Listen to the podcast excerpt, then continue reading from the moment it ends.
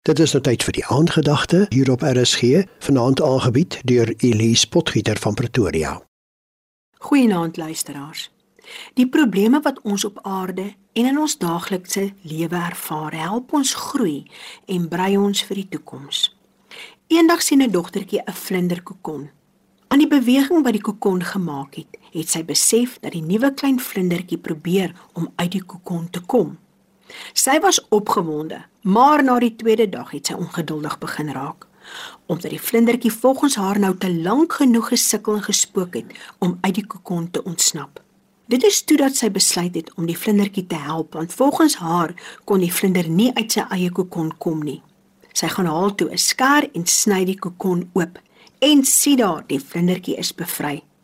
Maar die nuutgebore vlindertjie se lyfie was geswel en die vlekkies was onderontwikkel en dit was duidelik dat die vlindertjie nie wel was nie.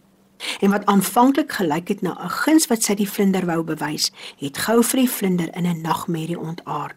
Sy kon nie vlieg nie, want haar vlekkies was nie sterk genoeg nie en haar lyfie was onderontwikkel. Sien, daar was 'n goeie rede waarom die vlinder vir 'n sekere tydperk in die kokon moes bly en moes stoei en sukkel om uit te kom na vore. Dit was deel van haar liggaam se ontwikkelingsproses ten einde sterk genoeg te kan wees vir die lewe buite die kokon. Nou ons hoor baie keer mense sê God se tyd en ons tyd is nie dieselfde nie. En daar is baie waarheid hierin vasgevang, want ons prioriteite en God se prioriteite verskil heeltemal. God se wil vir ons en ons wil verskil ook. En ons sukkel om ons wil aan die van God, ons Vader se wil te onderwerp. Jesus het dit geweet en daarom waarsku hy ons in Matteus: "Beywer julle allereers vir die wil van God en vir die koninkryk van God, dan sal God Almagtig julle al hierdie ander dinge ook gee." As ons hierdie stuk bekyk, dan leer Jesus ons 'n belangrike les in prioritisering. God Almagtig eerste, sy wil eerste, sy koninkryk eerste. Die res sal hy in ons voorsien. En om hierdie gedagte te staaf, gaan ons kyk na die wel en ou bekende gebed wat Jesus ons leer om te bid. Onse Vader wat in die hemel is, laat U naam geheilig word. Laat U koninkryk kom.